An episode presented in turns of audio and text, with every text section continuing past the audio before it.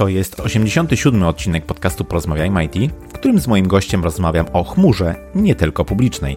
Partnerem cyklu jest Atman, dostawca usług IT dla biznesu w modelu outsourcingu. Przypominam, że w poprzednim odcinku rozmawiałem o serverless. Wszystkie linki oraz transkrypcję dzisiejszej rozmowy znajdziesz pod adresem porozmawiajmyit.pl łamane na 87. Jeśli jeszcze tego nie zrobiłeś, to wystaw ocenę lub recenzję podcastowi w aplikacji, której tego słuchasz. Chcę poszerzać horyzonty ludzi z branży IT i wierzę, że poprzez wywiady, takie jak ten, publikowane jako podcasty, będę to robił z sukcesem. Ja się nazywam Krzysztof Kępiński i życzę Ci miłego słuchania. Odpalamy! Cześć. Mój dzisiejszy gość to Cloud Product Manager w firmie Atman, osoba łącząca technologię z wymaganiami rynku. Posiada mocny background technologiczny i nastawienie na ciągły rozwój. Moim gościem jest dzisiaj Piotr Paluszkiewicz. Cześć Piotr, miło mi gościć Ciebie w podcaście. Cześć, witaj, bardzo miło. Dzień dobry, witam wszystkich. Ostatnio za sprawą e, planowanych inwestycji gigantów technologicznych bardzo dużo mówi się o chmurze publicznej. Tymczasem z Piotrem będziemy dzisiaj rozmawiać o chmurze nie tylko publicznej. Ale na początku standardowe pytanie wprowadzające, które kieruję do każdego gościa. Czy słuchasz, Piotr, podcastów? Jeśli tak, to jakich najczęściej?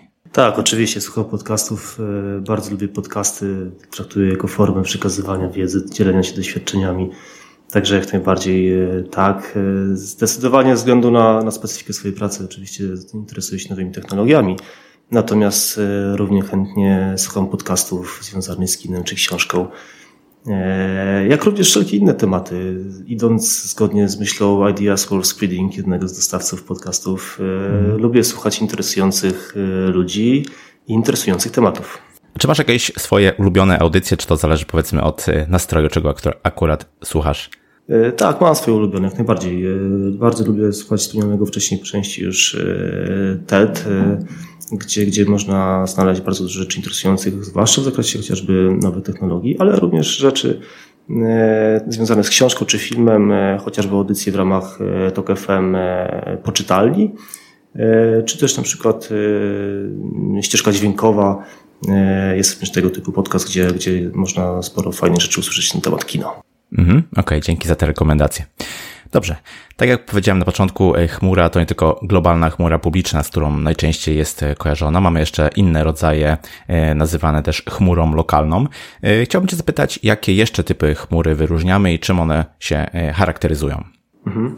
Tak, zdecydowanie tak. Obok globalnej chmury publicznej należy również podkreślić znaczenie rozwiązań chmury lokalnej mhm. E, która, z, która w dużym zakresie mm, adresuje wymagania klientów e, na danym obszarze geograficznym, zarówno w kwestiach funkcjonalnych, ale również regulacyjnych, prawnych. E, mhm. I tutaj na przykład warto wspomnieć oczywiście o Atman Cloud, który cechuje bardzo duża możliwość kustomizacji, która jest bezpośrednio podyktowana wymaganiami klientów i również uwarunkowaniami prawnymi, regulacyjnymi, które obowiązują w naszym kraju.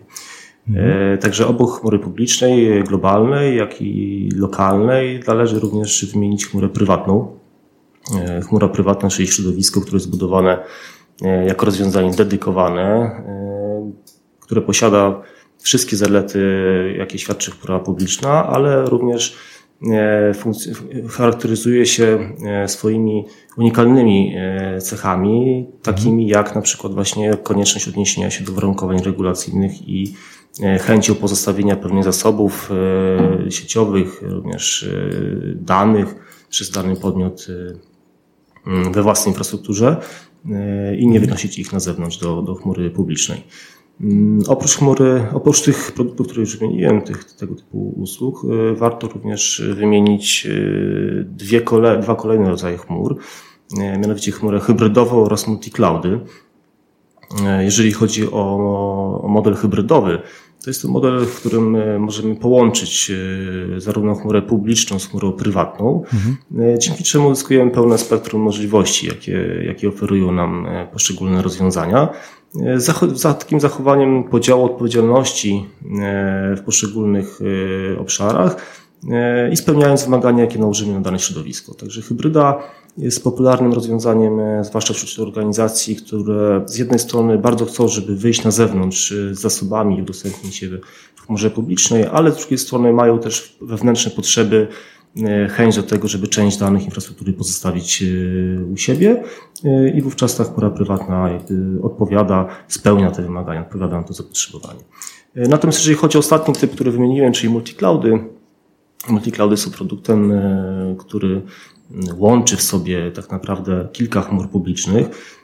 Dzięki temu dana organizacja otrzymuje E, dostęp do bardzo szerokiego spektrum produktów, narzędzi, funkcjonalności, które są oferowane w poszczególnych e, rozwiązaniach. Można to oczywiście również traktować jako formę dywersyfikacji, również optymalizacji kosztowej, e, a także jako taką chęć uniknięcia pułapki w postaci vendor lock-in.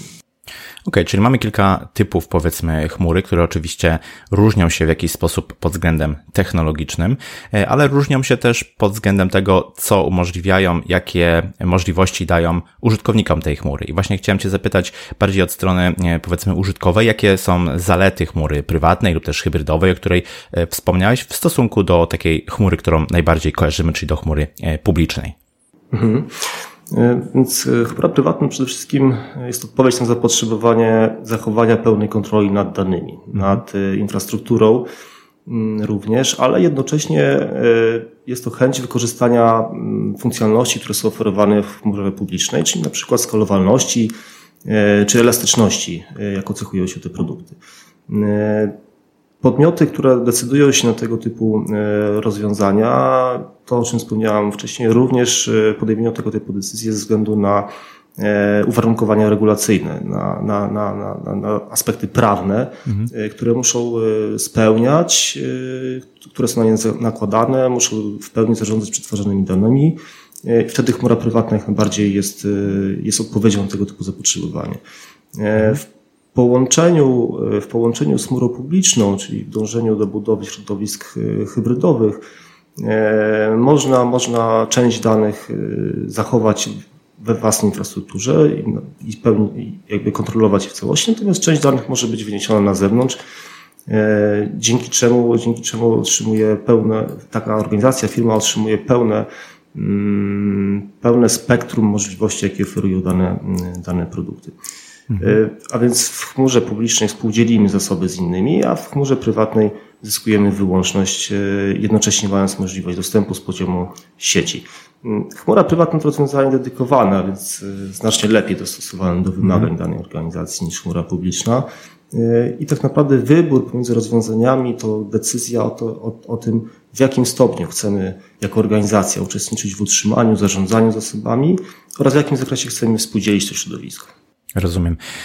Jak popatrzymy sobie na taki ogólnie rozumiany internet, to mamy obecnie y, szereg usług, jeśli chodzi o korzystanie właśnie z zasobów w, w, w ogólnie rozumianym internecie, od IaaS, PaaS po y, chmury publiczne, hybrydowe, prywatne, o których tutaj trochę powiedziałeś. Wybór na pierwszy rzut oka nie jest oczywisty, nie jest łatwy.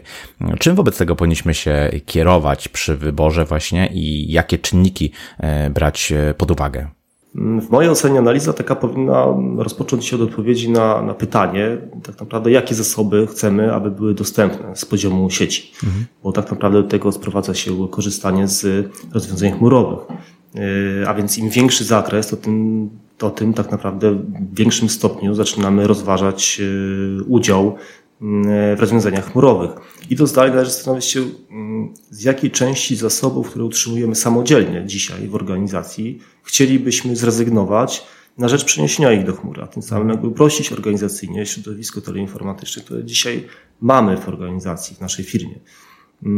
Dla organizacji, które dopiero szukają tak naprawdę swojego miejsca w rozwiązaniach chmurowych, szukają produktów, e, zalecałbym proste rozwiązania, jak na przykład budowa małych środowisk, na przykład w chmurze publicznej, w modelu IaaS, możliwością docelowej e, rozbudowy, tak mhm. żeby móc przetestować te rozwiązania i tak naprawdę szukać optymalnego, e, optymalnego wyjścia, które, które pozwoli e, zacząć w pełni korzystać z rozwiązań chmurowych.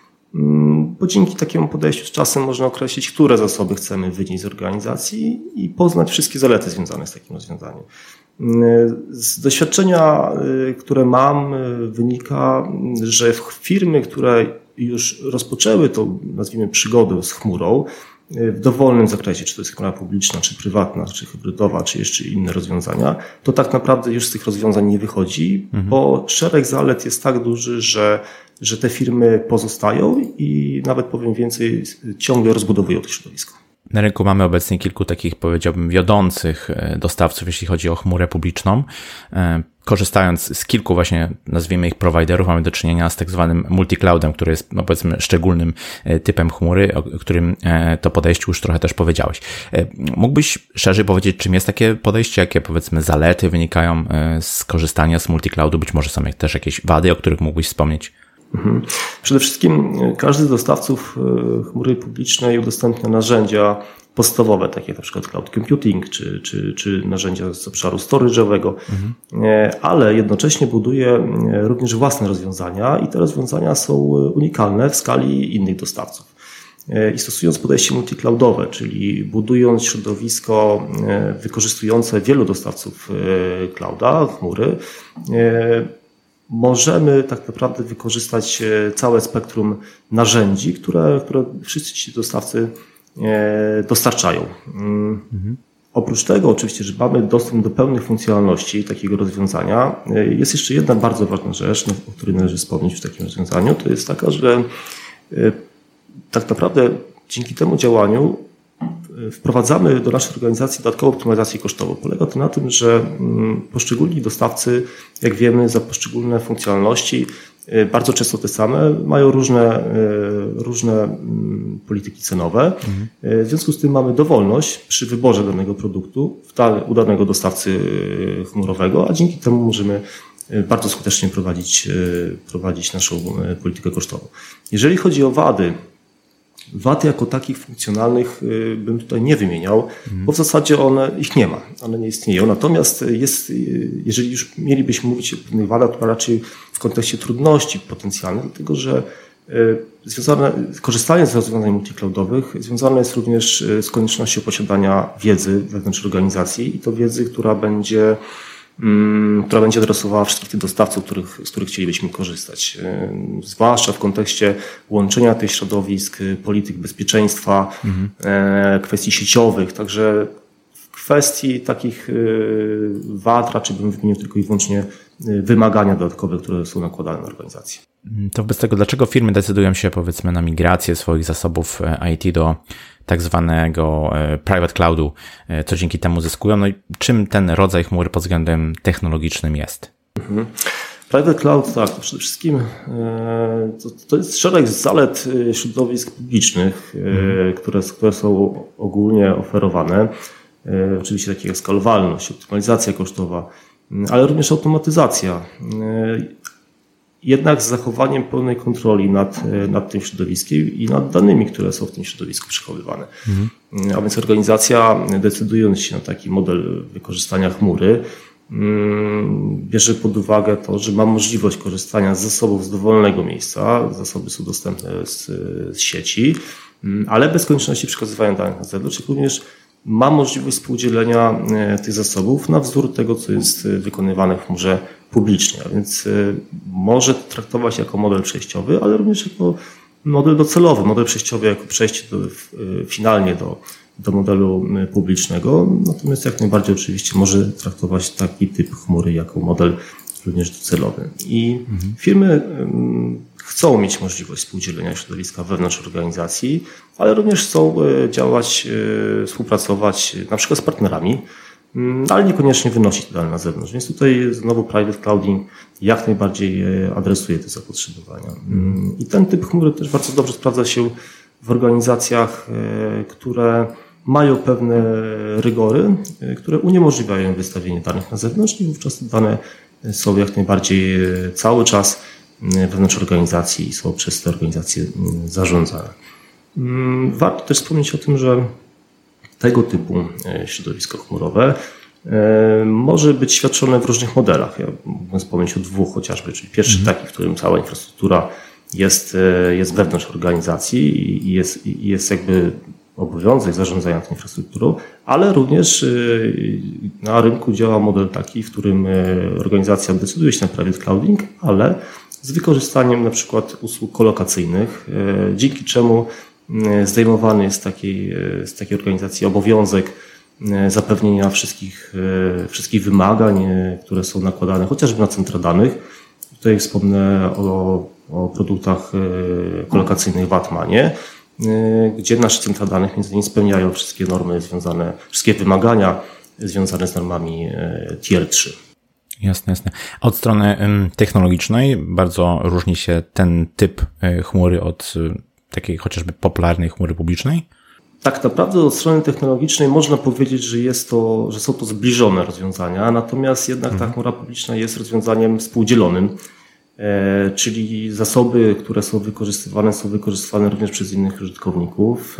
Wszystkie narzędzia, które są udostępnione również mogą być użytkowane przez przez innych e, użytkowników. Natomiast chmura w rozwiązaniu prywatnym może być rozwiązaniem dedykowanym, e, gdzie, gdzie funkcjonalności są, e, są budowane, kreowane już w sposób taki, który jednoznacznie będzie adresował potrzeby danej organizacji, a jednocześnie, jak wspomniałem wcześniej, wszystkie zasoby mogą być, czy też nawet są w rękach, w rękach danej organizacji, więc jest pełna pełna możliwość zarządzania, jak również kontroli nad wszystkim, co jest związane z, y, pod względem infrastrukturalnym, mhm. co jest związane z taką chmurą prywatną.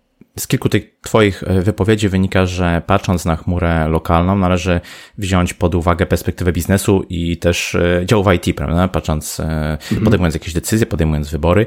Mm, chciałbym Cię wobec tego zapytać, jaki jest taki główny zysk, o którym mógłbyś powiedzieć dla biznesu, ale też dla działów IT, zbudowania właśnie takich rozproszonych środowisk z wykorzystaniem chociażby multi-cloud czy, czy usług typu Atman Cloud Connect? Mhm. Tak, e, Atmos Cloud Connect, o którym wspomniałeś, to przede wszystkim możliwość e, uzyskania dedykowanego dostępu mhm. do platform największych dostawców chmurowych na świecie, do tych globalnych graczy, którzy udostępniają chmurę publiczną.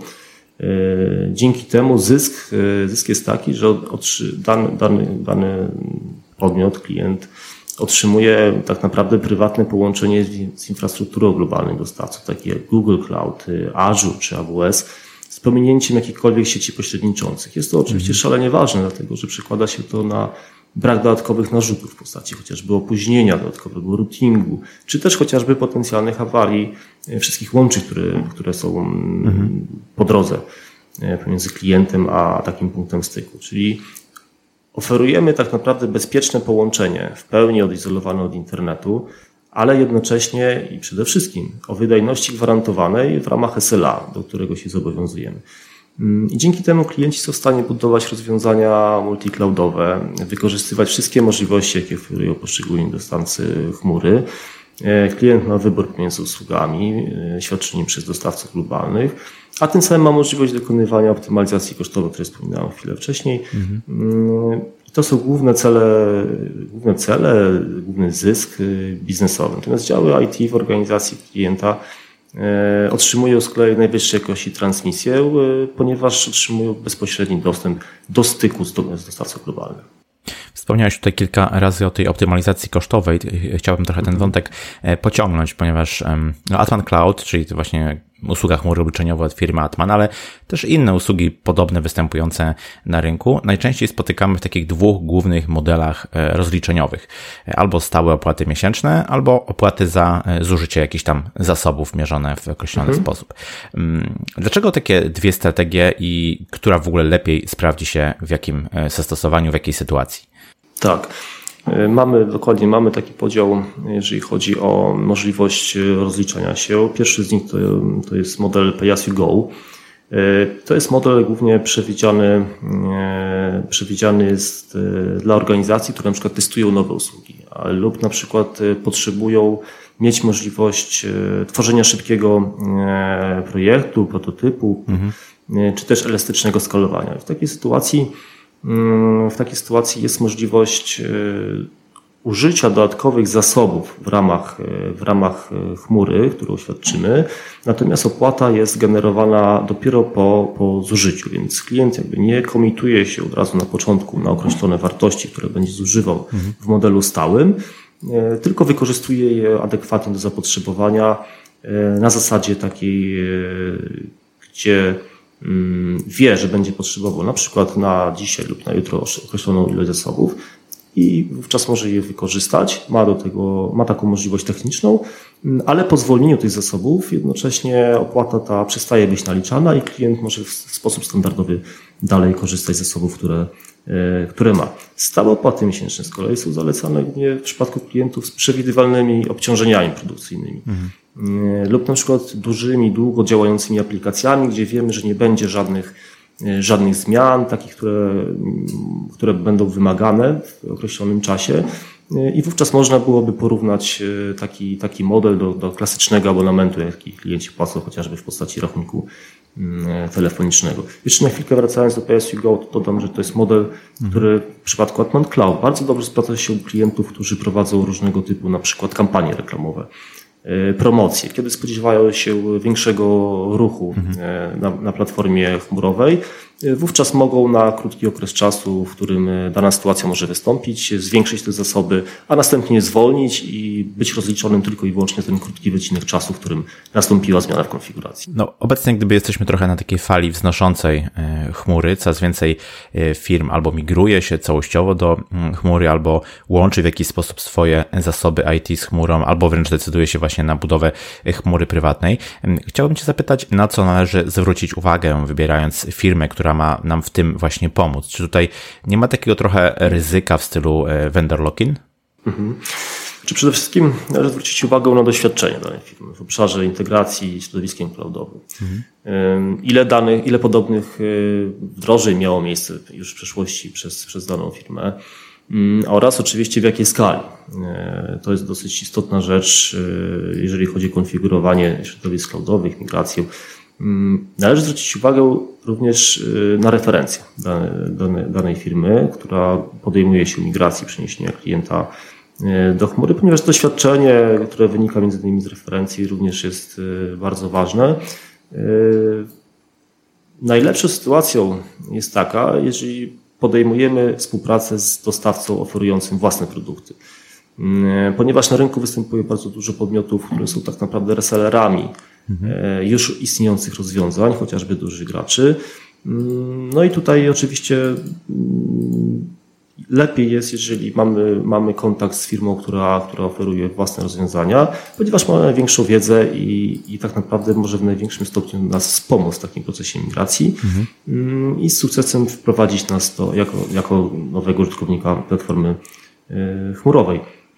Dlatego należy zapominać, jak ważnym czynnikiem jest fakt e, chociażby posiadania e, własnych zasobów infrastrukturalnych, bo tutaj również na każdym etapie wdrożenia czy użytkowania już później E, takiego środowiska. Jest możliwość dalszych e, zmian, dalszych upgrade'ów, dalszej pracy nad tym środowiskiem, mhm. więc można powiedzieć, że podmiot, który posiada pełen, pełną infrastrukturę chmurową, mm, no to jednocześnie jest takim naszym zaufanym partnerem, z którym wiemy, że na żadnym etapie nas nie pozostawi i będzie mógł nam, e, będzie mógł nam pomagać e, w różnych, w różnych sytuacjach, bo czasami są sytuacje, w których trzeba rozwiązywać problemy i wówczas, e, wówczas należy mieć wsparcie w postaci takiego, taki techniczny, technicznego, doświadczonego partnera. Mhm.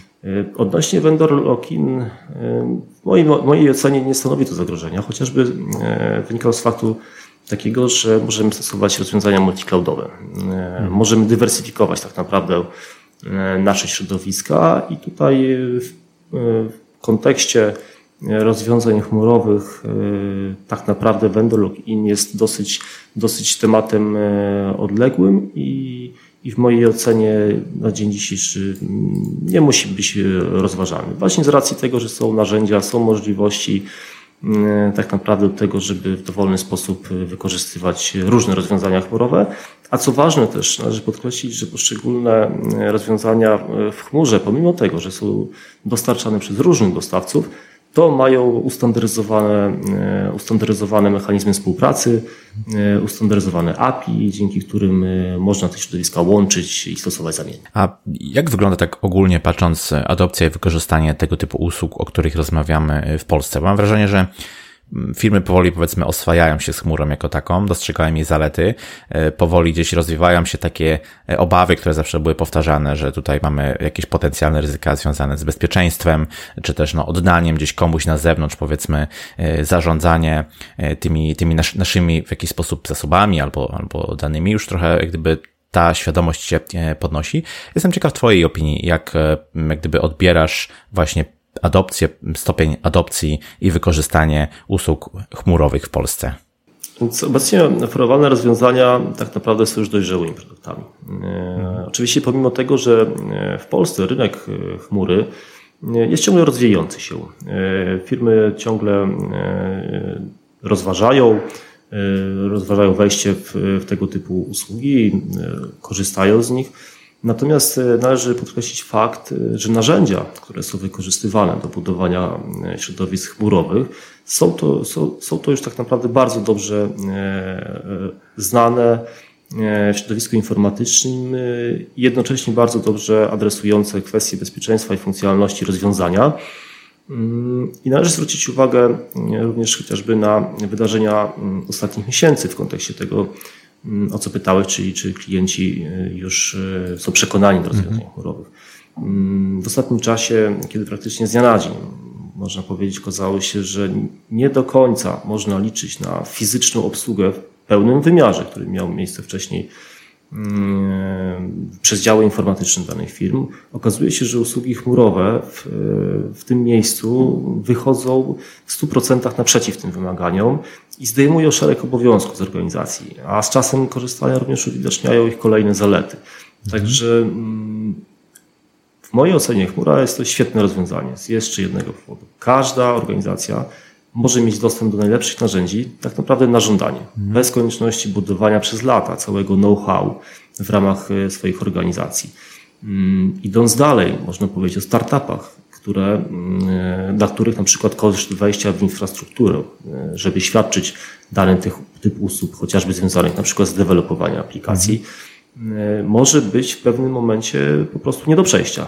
E, I wtedy taka możliwość, którą oferują dostawcy usług chmurowych, aby aby tak naprawdę mm, wirtualnie, można powiedzieć, wykupić te zasoby, mhm. wykupić tę infrastrukturę. Do tego jeszcze narzędzia, które są w ramach tego oferowane, e, no to tak naprawdę umożliwia takim firmom e, wejście w ogóle na rynek i rozpoczęcie e, działalności. Także podsumowując, w mojej ocenie jak najbardziej firmy coraz chętniej korzystają z chmury i dostrzegają jej zalety. Mhm. No właśnie, wymieniłeś szereg zalet. Czy według Ciebie trend multicloud będzie takim wiodącym trendem w najbliższej przyszłości, który będziemy obserwować coraz szerzej i powiedzmy z jakimi wyzwaniami obecnie e, to podejście się zmaga? Hmm. E, tak, faktycznie. E, jeżeli chodzi o multi-cloud, wydaje się, że jest to jedna z bardzo istotnych dróg, którą dzisiaj należy, należy wymienić, którą organizacje rozważają i postrzegają jako, jako jedną z możliwości. Wynika to głównie z tego, że szukając konkretnych rozwiązań, znajdujemy je oczywiście u danego dostawcy rozwiązania chmurowego, ale w innym przypadku rozwiązanie, które jest dla nas najbardziej satysfakcjonujące, oferuje inny dostawca. Mhm. I w takich sytuacjach e, tak naprawdę łączenie tych środowisk i wykorzystanie wszystkich zalet e, chmur różnych dostawców jest to taka naturalna kolej rzeczy, która doprowadza organizację do wykorzystania e, środowiska w formie multiclouda. Ponadto dochodzą do tego kwestie właśnie optymalizacji kosztowej, o których dzisiaj krótko powiedzieliśmy, E, czy chociażby lokalizacji centrów danych, w których przechowywane są nasze zasoby, ponieważ mm. być może dana organizacja ma, ma potrzebę taką, żeby dane były zlokalizowane nie tyle nawet w danym kraju, ile w e, danej, w danym miejscu konkretnym e, geograficznie. I teraz łatwość, z jaką dzisiaj możemy tak naprawdę łączyć środowiska cloudowe, tylko i wyłącznie sprzyja budowaniu tego typu Mm, tego typu mm, systemów, mhm. chociażby poprzez wspomniany wcześniej Atman Cloud Connect. Także w kwestii wyzwań, w kwestii wyzwań, czy też trudności, jakie mogą się pojawić na etapie budowania multicloudów, należy przede wszystkim w mojej ocenie zwrócić uwagę na, na, na konieczną wiedzę. Wiedza, która musi być w organizacji, tak aby w pełni wykorzystać wszystkie zalety chmury Jest ona potrzebna zarówno na etapie wdrożenia, jak i późniejszego codziennego użytkowania. Mm, I no nie należy zapominać o kolejnej wiedzy, która, o kolejnej istotnej rzeczy, która wynika E, z tej koniecznej wiedzy, którą należy posiadać, to jest kwestia bezpieczeństwa. Mhm. Ponieważ różni dostawcy stosują różne polityki bezpieczeństwa i teraz w momencie, kiedy chcemy budować taki ekosystem zbudowany z kilku chmur, to musimy zadbać e, o spójność, o integrację tych polityk bezpieczeństwa, tak abyśmy mieli stuprocentową pewność, że dane, które przechowujemy, dane, które przetwarzamy, bardzo często dane naszych klientów, są w pełni bezpieczne i mamy co do tego gwarancję E, poprzez właśnie pełną wiedzę i integrację mm, pomiędzy poszczególnymi środowiskami. Mhm. Podsumowując, stosowanie rozwiązania multi-cloud e, jest to szereg zalet e, funkcjonalnych, jak i kosztowych, mm, ale nieodłącznie jest to związane również z koniecznością posiadania solidnej wiedzy, czyli tych wymagań dodatkowych, które są nakładane na, na, na daną organizację. Dobrze, dziękuję Piotr za ciekawą, wartościową, merytoryczną rozmowę o chmurze nie tylko publicznej. Cieszę się, że e, pokazałeś wady, zalety każdego e, tutaj podejścia, czy każdego typu e, chmury właśnie takiej nie tylko publicznej. I na koniec powiedz proszę, gdzie Cię można znaleźć w internecie, w jaki sposób się z Tobą skontaktować? Tak, jeżeli chodzi, jeżeli chodzi o internet, to oczywiście jestem na LinkedInie, Piotr Paluszkiewicz. Także zapraszam do kontaktu, e, ale również e, możliwy jest kontakt przez stronę internetową e, www.atman.pl. Również zachęcam do kontaktu i dziękuję Krzysztof również za rozmowę. Było mi bardzo miło i mam nadzieję, że usłyszymy się w przyszłości. Dokładnie. Oczywiście wszystkie linki będą w notatce do tego odcinka. Jeszcze raz bardzo dziękuję. Do usłyszenia. Cześć. Dziękuję, cześć, do widzenia. I to na tyle z tego, co przygotowałem dla Ciebie na dzisiaj. Chociaż najczęściej chmura obliczeniowa kojarzy nam się z chmurą publiczną, to istnieją również inne jej odmiany, jak chociażby chmura prywatna czy hybrydowa. Jak to w IT bywa, należy dobierać rozwiązania do problemu. Warto więc znać różnice między różnymi rodzajami chmury, by wiedzieć, jaki wariant wybrać w następnym projekcie. Jeśli doceniasz to, co robię, wesprzyj mnie na Patronite. Mój profil znajdziesz pod adresem porozmawiajmyit.pl łamane na wspieram. Jeśli masz jakieś pytania, pisz śmiało na krzysztofmałpa.porozmawiajmy.pl Jeśli spodobał Ci się ten odcinek, nie chcesz przegapić kolejnych epizodów podcastu, zasubskrybuj go w swojej aplikacji podcastowej. Ja się nazywam Krzysztof Kępiński, a to był odcinek podcastu Porozmawiajmy IT o chmurze nie tylko publicznej. Zapraszam do kolejnego odcinka z cyklu realizowanego z firmą Atman już za dwa tygodnie. Cześć!